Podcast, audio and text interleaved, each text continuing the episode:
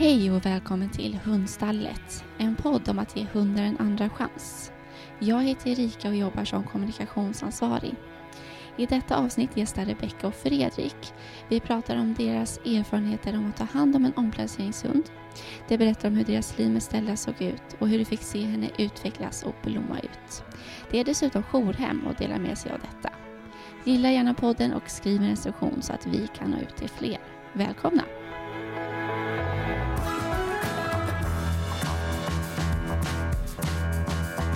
Den här veckan så pratar jag med Rebecka och Fredrik. Ni är eh, jourhem hos oss men har också haft en hundstallshund. Eh, jag tänker ni får jättegärna börja med att presentera er själva, vilka ni är.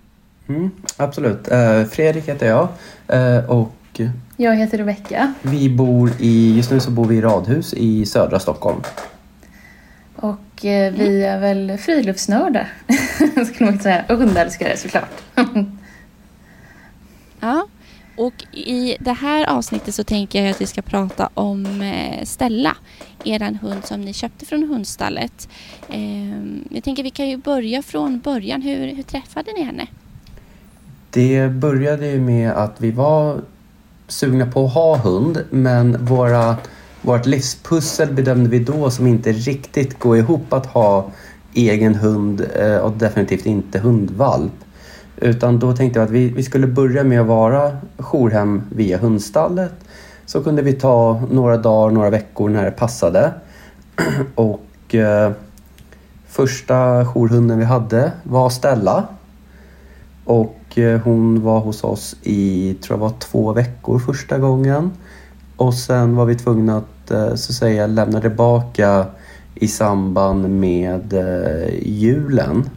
För vi skulle åka iväg med familjer och åka bort av det. Och eh, under den julledigheten så att säga när vi inte hade Stella så kände vi att nej, det här var nog lite alldeles för bra för att gå miste om henne. Ja, det kändes som att hon var redan en del av vår familj. Så, Ja. så att eh, det slutade ju med att eh, första jourhunden vi hade valde vi att adoptera som en, ja, att hon skulle helt enkelt flytta hem till oss. Mm. Vad, vet ni vad hon, varför hon kom in till hundstallet? Vad hon hade för historia? ja, hon var ju med i det här jättestora Värmlandsärendet som var, eh, det var ju 2015. Eh, så kom det in ett eh, väldigt stort antal hundar. Jag tror att de tidigare ägarna hade väl ett 60-tal hundar. Och jag tror väl att det kanske var ja, ett 20-tal hundar som, som gick att omplacera sen. För de var i ett väldigt dåligt skick. De hade blivit eh, ja, vanvårdade på väldigt grova sätt. Liksom. De hade blivit, många hundar hade kross och brännskador och fula infektioner och de hade fått slåss om maten och, och sådär. Så den här eh, Eh, familjen hade liksom smugglat hundarna från Danmark till Sverige eh, för att de hade fått djurförbud i Danmark. Helt enkelt. Ja, och sen kom de till Sverige eh, och en anmälan lämnades in och de fick djurförbud i Sverige där hunden omhändertogs. Och tidigare då ägarna flyttade sedan till Norge enligt information vi har fått och fick då för, djurförbud i förebyggande syfte.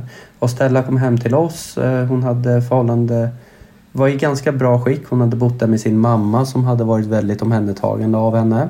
Och var en väldigt stor hund. Ja, precis. Stora, dock så hade Stella problem med eh, ganska mycket öroninfektioner och så, men annars eh, ganska bra.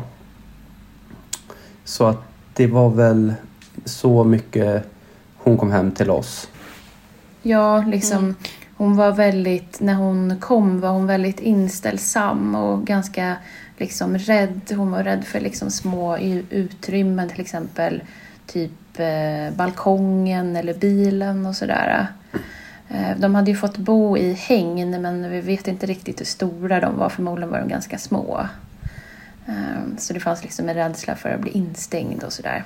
Mm, det var problem med bilåkning och så. Så att våran lösning blev ju att vi köpte en bilsele som kunde ligga i baksätet. eh, trafiksäkert.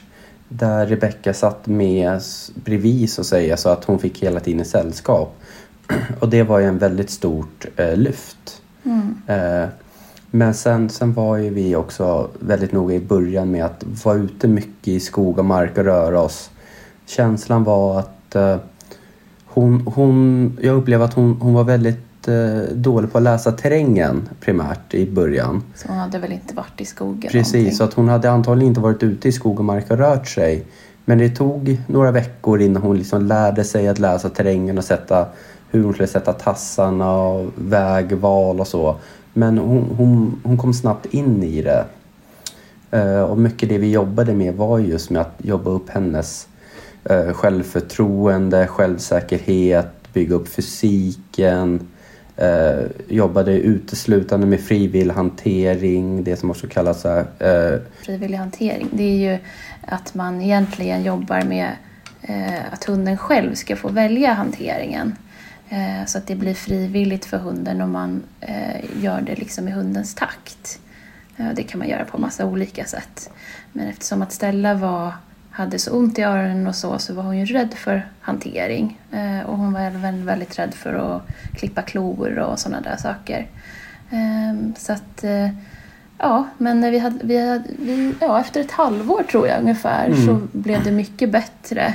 Hon blev liksom tryggare och vågade mera. Eh, och till slut så blev hon faktiskt en väldigt liksom lugn och harmonisk hund. Eh, en Ja. riktig så här livsnjutare som gillade att liksom ligga på en gräsmatta och bara eh, spana eller eh, rulla i snön på vintern och sådär. mm. Mm. Hur, gammal, eh, hur gammal var hon när hon kom till er? Vi tror att eh, hon var cirka fem år, mm. eh, tror vi. Vi vet inte riktigt. Mm. Och vi fick ungefär fem år med henne. Ja, vad, när, och det var, när var, gick hon bort? Var det... Ja, det var här under pandemin så fick hon tyvärr cancer. Ehm, Så nu har vi inte haft eh, hund i, eh, i två år men vi har haft eh, jourhundar istället. Mm. Mm, Mm. har vi.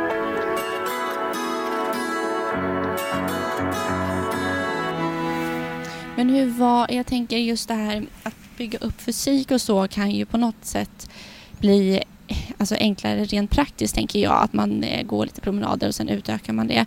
Men när det kommer till att bygga upp självförtroende och att man ska bli mer självsäker kan ju kanske ibland vara lite svårare eh, att bygga upp. Hur, hur gjorde ni det? Vi hade faktiskt lite hjälp av en hundpsykolog också eh, som vi jobbade med eh, hur, eh, hur vi skulle göra rent praktiskt. Liksom. Eh, men eh, vi jobbade, vi hade lite olika aktiviteter som vi gjorde till exempel. Eh, vi eh, tränade ganska mycket parkour, eh, balansövningar och sånt där. Ehm, så att, och ökade väldigt, väldigt långsamt liksom, så att hon hela tiden fick känna sig duktig och att hon kunde hela tiden. Ehm, och ja, vi jobbade med, med belöning och hon gillade främst liksom godis och sånt där. Eh, så den typen av belöningar Mm. jobbade vi med. Och sen mycket med att, att, att, att eh, låta henne eh, ta tiden på sig. Om det var ett föremål hon tyckte var lite läskigt eller så. Att, att hon fick stå och titta på det, hon fick gå runt och liksom ville se det ur olika vinklar. Att, att liksom också låta henne eh, ta, ta tiden på sig utan att stressa. Och, men också hela tiden berömma att hon var duktig och så. Utan att för den delen så att säga tvinga henne eller liksom försöka övertala henne utan att oftast till slut så gick hon fram och nosade på det. Och sen var hon, var hon ja då var det inte så farligt. Och några få gånger så valde hon faktiskt att inte gå fram. Nej, men då fick det vara det utan då gick vi en annan väg runt. Och sen senare samma dag då kanske vi gick i det området igen för att då liksom att hon har landat i det och då kanske hon vågade gå fram och, och undersöka föremål för hon var ju väldigt nyfiken. Mm.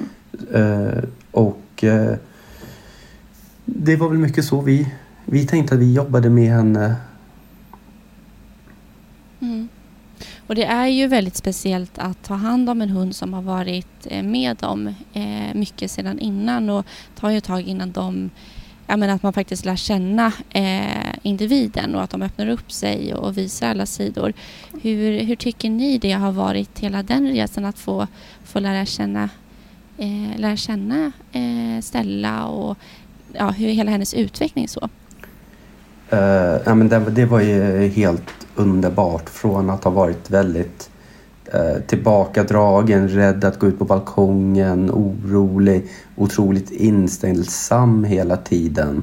Det uppfattade vi som var ett sätt att, för henne att liksom ja, men få bekräftelse men också inte råka illa ut till mm. att, att ha en hund som kunde gå och lägga sig om hon ville, ensam i, i sovrummet, i sängen att vara med ute på restaurang och på kaféer, vara med i butiker. För våran, våran syn var ju att om vi ska gå ut och äta på restaurang så ska ju hon följa med.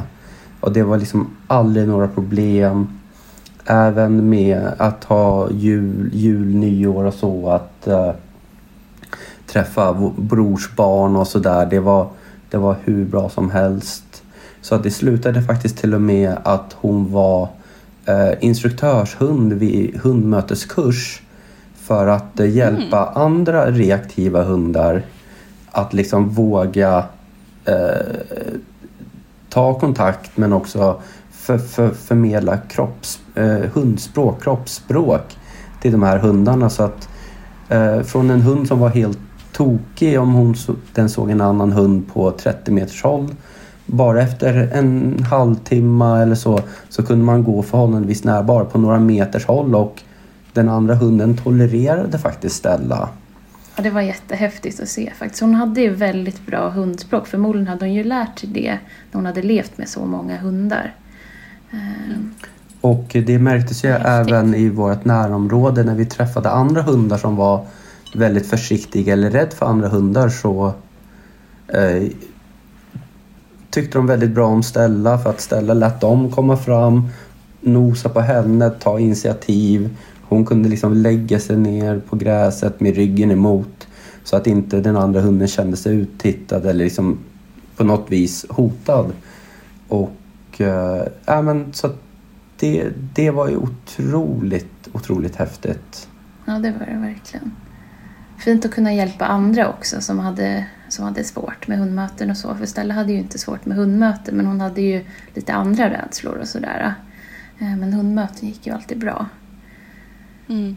Vad häftigt. Tänk vilken resa från att eh, eh, ja, men bo... Ja, vi vet ju inte riktigt hur hon bodde men förmodligen inte alls bra till, till det här. Ja, men precis. Mm. Riktigt häftigt.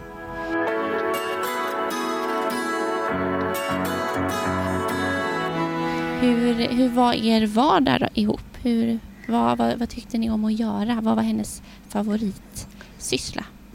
Favoritsysslan var med mig eh, Eh, så var ju den att vara ute på långa skogspromenader primärt i Nackareservatet. Mm, precis, vi bodde i Nacka förut, eller i närheten av Nacka förut.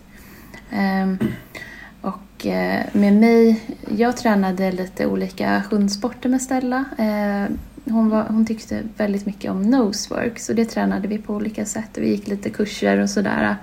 Eh, hon var jätteduktig på nosework och även på vindspår. Ehm, så det var mina liksom, favoritgrejer som jag gjorde så. Ehm, och sen på somrarna så fjällvandrade vi med Stella eh, på vår semester och det älskade hon verkligen. Ja. Så att vi var väl uppe och fjällvandrade en, en, en till två gånger per år med henne. Och då kom hon ju verkligen in i sitt uh, rätta uh, for, liksom miljö för att hon var ju blandras med vad vi tror var husky, dobermann, Sankt Bernhards blandning tror vi. Så hon var en eh, hund på ungefär 28 kilo.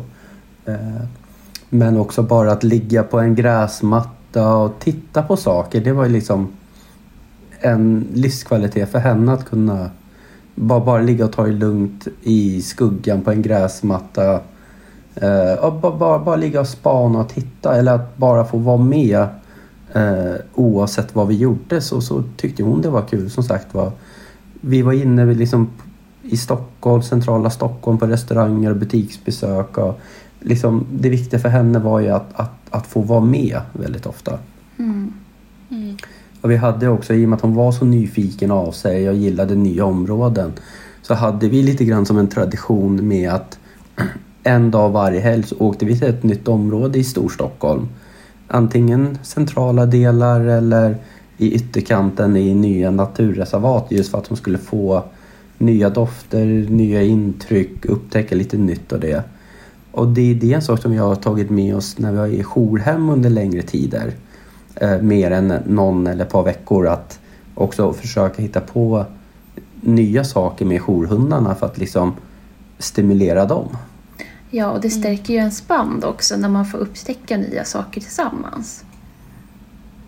Ja, men verkligen göra någonting ihop Mm. är väl eh, väldigt bra. Hur, hur skulle ni beskriva henne som, eh, som individ? Vem var hon? Eh, hon var väldigt empatisk, eh, skulle jag säga. Hon, hon var väldigt inkännande med, liksom, med andra djur också. Eh, till exempel, för att ta ett exempel eh, hennes, liksom, att hon var empatisk, så eh, kunde hon, om hon hittade liksom skadade djur eller sådär, så kunde hon liksom lägga sig bredvid det skadade djuret. Så hon hittade en gång en svårt skadad katt. Och då märkte hon ju liksom att Eh, För att jag hade så här fem meters koppel. Det var lite längre. Så då hittade hon den liksom och sen så eh, märkte hon ju att den blev liksom rädd för henne så då gick hon liksom några meter bort och la sig och pep. Liksom så att jag skulle uppmärksamma den. Eh, och så vägrade hon liksom lämna platsen tills vi kunde få tag i eh, ägarna till katten liksom, så att eh, den kunde få hjälp. Men det var så himla fint att hon liksom ja, att hon inte ville lämna den för hon ville inte att den skulle vara ensam. Det är, Ja. Det är liksom lite typiskt henne sådär. Ja men verkligen. Och så här, livs, livsnjutare verkligen. Nyfiken och lugn och snäll. Och tyckte bra om de mesta men ändå hade stor integritet. Liksom att Ja. hon, hon gick gärna fram och nosade på folk hon inte kände men ofta så var hon inte så intresserad av att de skulle klappa henne för hon, hon, hon var inte så liksom eh, när, när hon hade landat hos oss att, och fått det här grundsjälvförtroendet så, så kunde hon ändå visa ganska tydligt vad hon ville och inte ville genom att vill hon inte hälsa på en hund, nej men då, då gick hon åt andra hållet så långt kopplet tillät. Och sen satte hon sig där. Det var liksom hennes sätt att visa att nej, jag, idag känner inte jag för det. Nej, då slipper du. Men Mm. också liksom att eh, ligga ute på balkongen när hon blev trygg i det. Och spana eller ligga ute på en gräsmatta. Men det var, det var liksom... Hon, hon var väldigt lättsam att ha att göra med. ja, faktiskt. Det är ju verkligen en, eh, en resa det där. Och som du säger, just det här att hon visar vad, vad hon vill och inte vill brukar ju oftast komma sen när de känner sig trygga eh, med, eh, ja, med ens nya familj. Så det är ju väldigt fint att få, få se det också, att de faktiskt berättar vad de vill och inte vill. Ja, Mm. men verkligen. Det är kul. Jag, jag har alltid tyckt att det är fint med hundar som vågar visa sina känslor och sina åsikter. Eh, Mm. det, ja, vi båda gillar hundar, eller, men ofta sådana hundar som andra kanske kan tycka är lite knepiga eller sådär. Det är de hundarna vi gillar liksom mest ofta. Ja, ja, men det är väldigt, alltså att få lära känna en eh, hund så är ju väldigt givande och spännande. ja, men verkligen.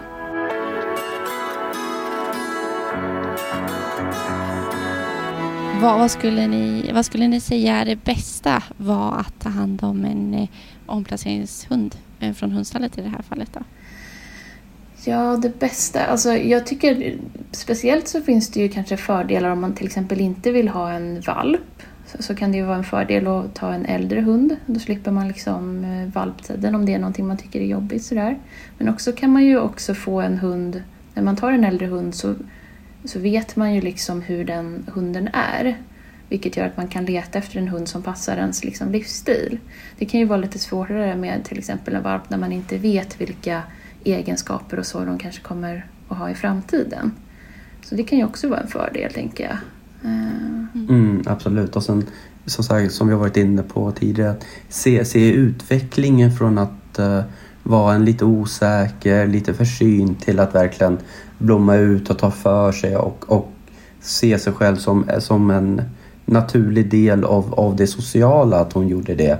Mm. Det, det, är- det är väldigt lärorikt och så. Och som, som du var inne på Rebecka, vilka egenskaper eh, hunden har om den är lite äldre så att den passar ens livs, livsstil och intressen. Så att, så att man inte skaffar en hund som har vissa rastypiska drag som man själv kanske vill ha, som passar in den livsstil man vill ha, men som man inte för tillfället har. Utan att det, det ska liksom fungera i vardagen och det ska fungera med den livsstil man har. Mm, och inte det man kanske önskar att man hade. Mm. Ja. Mm. Men så är det ju mycket just att ha en omplaceringshund. Att man vet ju inte riktigt hur hunden kommer reagera och att man får ju anpassa sig mycket ut efter den hunden och inte tvärtom. Precis. Ehm, och det är också det här som ni beskriver hur hon ändå var så pass... ehm, ja, men jag slås alltid av det när hundar som har varit med om svåra saker att de ändå har kvar tilliten till människor. Eh, och även hundar ibland att de så, så på, ja, på något sätt kan vara så förlåtande. Det är också väldigt häftigt att se. Hundar är ju... Ja, men det känns verkligen som att de... Att den många gånger finns kvar. Och det är väldigt fint. Och det verkar ju som att det fanns hos Stella också. Oh ja, och, och att, att de blir så, kanske fel uttryck nu, men så tacksamma och liksom att de verkligen blir, blir tillfreds när de känner att de eh, hör, hör hemma och eh, hit, hit, hittar sin roll i, i hemmet. Och det, det var ju otroligt fascinerande att få vara med om, om, om den resan. Mm, verkligen. Och nu är ni jourhem hos oss. Mm. Eh, till våra hundar, hundstallshundar. Hur är det? Ja, alltså jag tycker jourhem är verkligen, att bli jourhem, det är det bästa jag har gjort i livet faktiskt. Det är så himla roligt att få lära känna olika hundar och olika raser och individer. Ja, hundar med olika erfarenheter och svårigheter. Ehm, man lär sig så himla mycket, verkligen. Ja, och de hundar vi, vi har väl ungefär ett 20-tal hundar Tror uppskattar vi ungefär, att vi ja. har haft. Och de har väl varit allt mellan 3 kilo upp till 60 kilo av alla olika typer och raser. Och, Och blandningar. eh, Ja, men verkligen. Och de har väl varit hemma hos oss allt mellan dygn upp till nästan sex månader ja, var den Oj. längsta.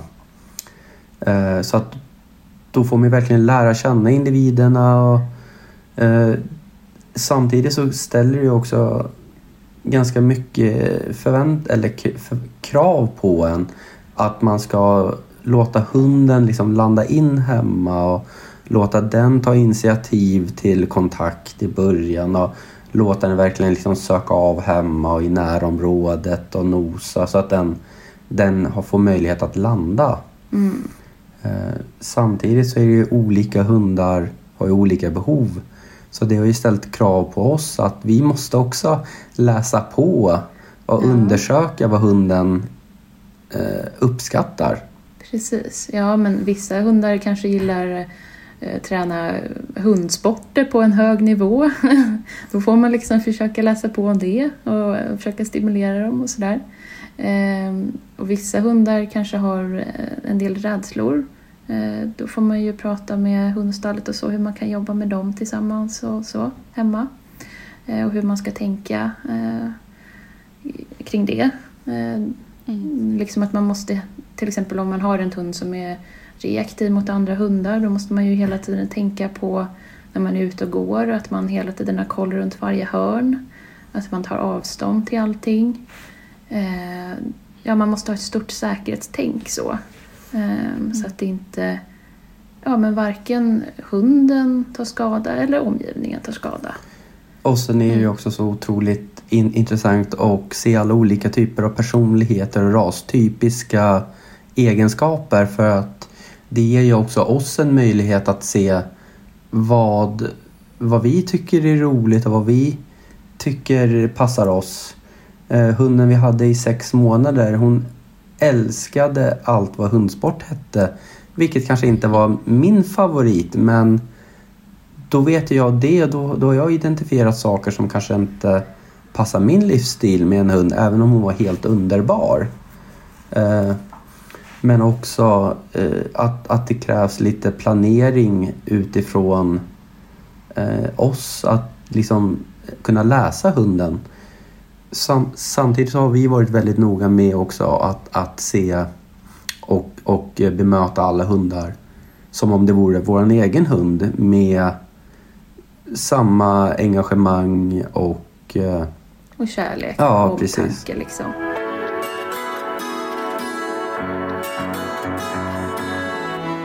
Men jag tänker hur det är det, för det är ändå speciellt att ha en hund, eh, som ni sa, längsta ett halvår och sen eh, säga hej då. Man lär ju ändå känna hunden ganska så väl. Hur, hur är det att sen säga hej då? Ja, det kan ju vara jättejobbigt ibland faktiskt. Det kan det verkligen vara. Eh, det kan ju bli, en det blir lite som en sorg när man förlorar en kär vän sådär. Men sen är det ju också väldigt kul att veta att de hamnar i det perfekta hemmet för just dem. Eh, och ibland kan man ju ha turen också så här, för vi, eh, det finns ju en eh, Facebookgrupp för de som har adopterat hund. Där man, då kan man få följa hundarna sen efteråt och se hur de Mm. har det i sina nya hem. Och det är ju jätteroligt att se hur de har utvecklats och vad de tycker om att göra och sådär. Det är jätteroligt. Ja. men det är klart, det, det, det blir lite sorgligt ett tag och, och sen så kommer nästa hund och sen så är man helt inne i det. Ja, för, Ja. fördelen är att man kan ju verkligen lägga energi och tiden på den hunden som är hemma just nu under den tiden oavsett om det är över en helg, en vecka eller en månad. Så, så kan man ju faktiskt fokusera på den där och då. Och eh, Känna att man gör en insats också. För Ja, att men den får precis. ett hem i framtiden. Och, och sen också kunna vid, vidareförmedla det vi har identifierat hos hunden.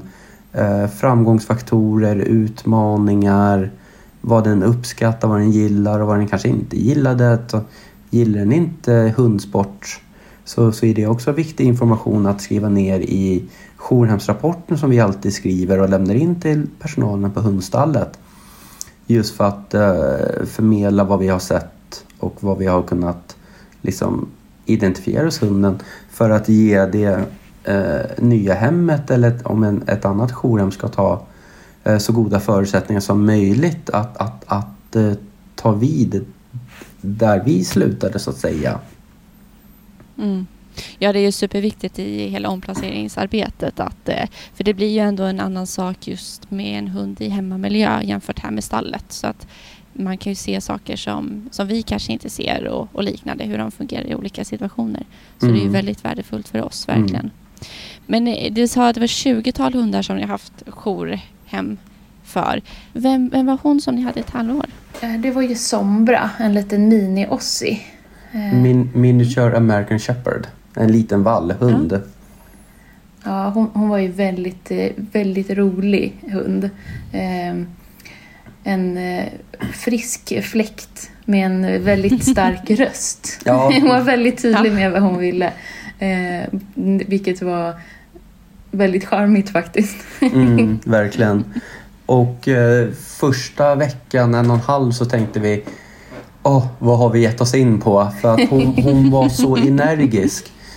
Men sen, sen började vi hålla på med lite hundsport och eh, kasta hennes frisbee som hon älskade och vi var och badade med henne två dagar i veckan, ofta utomhus för att Vi hade henne främst på sommaren. Ja, typ, precis.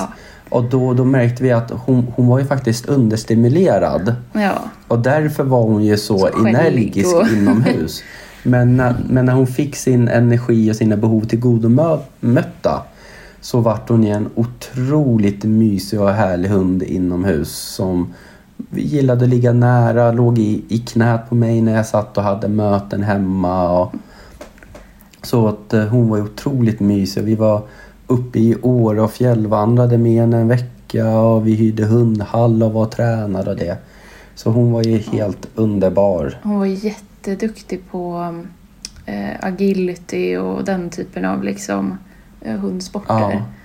Eh, nej men vi tränade allt möjligt med henne. Liksom, eh, nosework. Eh, vi försökte oss på lite rallylydnad och, och upp, ja, men olika former av så här uppletande och spår och sånt Mm. där. Eh, alltså hon var duktig på allting som man testade. Det var helt imponerande. Ja, och sen en annan hund som fastnade väldigt mycket hos mig, det var eh, Peppa, eh, heter hon. Ja. Som var en off- off-kärka på 57 kilo. Mm, men så otroligt lugn och snäll dam. Som älskade, var utomhus och verkade älska barn otroligt. Så att hon kunde sätta sig utanför dagis när vi var ute och gick och bara ville sitta och titta på barn och vifta på svansen. liksom. Eh, Men det var väldigt stor hund men upplevdes som en väldigt liten och Krambjörn ja, liksom. ödmjuk individ. Så har vi haft några eh, chihuahuor, chihuahua-blandningar. Ja. Och, och där har man ju själv fått liksom revidera sina författade meningar om den typen av hund. Att de är ju otroligt mysiga och roliga att ha att göra med och pratar mycket på liksom men ändå väldigt lättsamma. Ja, verkligen.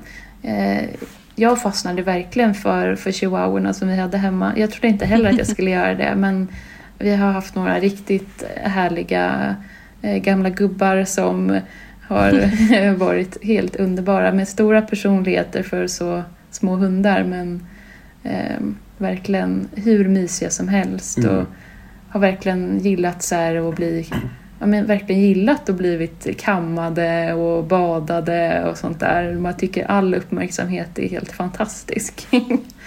ja.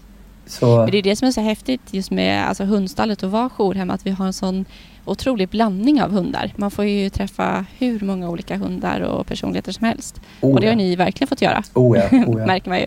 Vi hade en eh, chihuahua fransk bulldog-blandning tror jag som hette Selma. Eh, och eh, tänkte vi, ja men hon kommer ju inte vara, kunna vara ute och orka gå så långt av det. Trodde vi. Alltså hon, hon, var, ju, hon var ju som en lit, liten eh, skogsmaskin i skogen som bara härjade runt. Blåbärsriset var ju högre än henne men hon kött, köttade ju på som bara den när vi var ute i ja, två, timmar. två och en halv, tre timmar i skogen och hon älskade och var duktig på viltspår och, och så att, ja men det, Ja, hon, hade kun, hon hade kunnat jobba som eftersökshund. Hon var verkligen jätteduktig på det. Mm.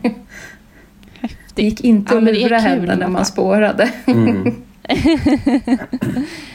Ja, vad kul.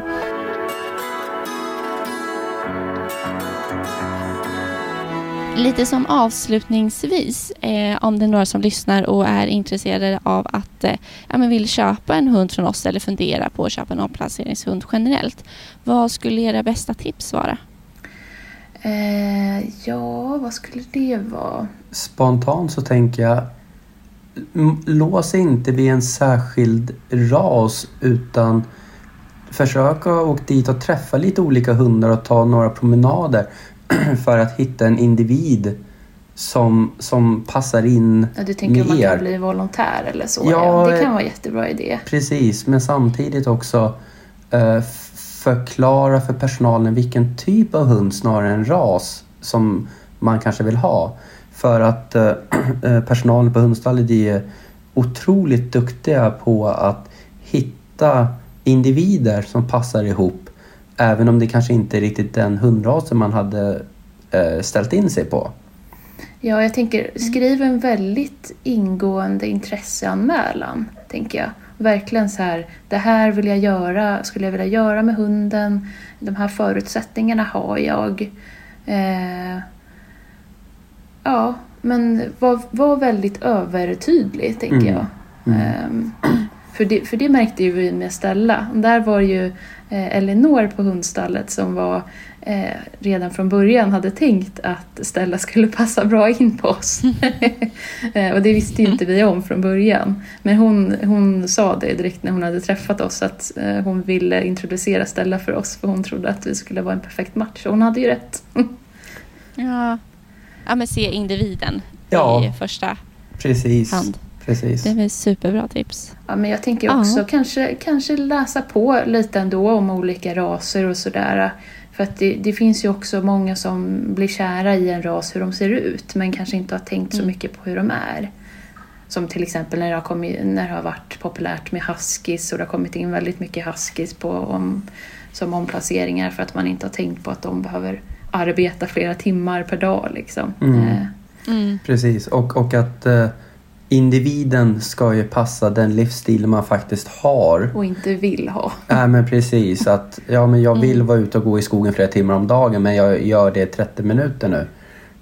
Då Mm. kanske man snarare ska ha en, en, en hund som kanske behöver lite mer mindre motion. Eller börja testa och ha vara ute och gå längre runder varje dag för att se, se, se om det fungerar i vardagen. Mm. Mm. Ja, men det är superbra tips. Verkligen. Stort tack för att ni ville vara med och gästa Hundställets podd. Tack för att vi fick vara med. Det var allt för denna gång. Ett stort tack till dig som lyssnar och vi hoppas att du gillade detta avsnitt. Gilla gärna podden och skriv en recension så att vi kan nå ut till fler. Vi hörs nästa vecka.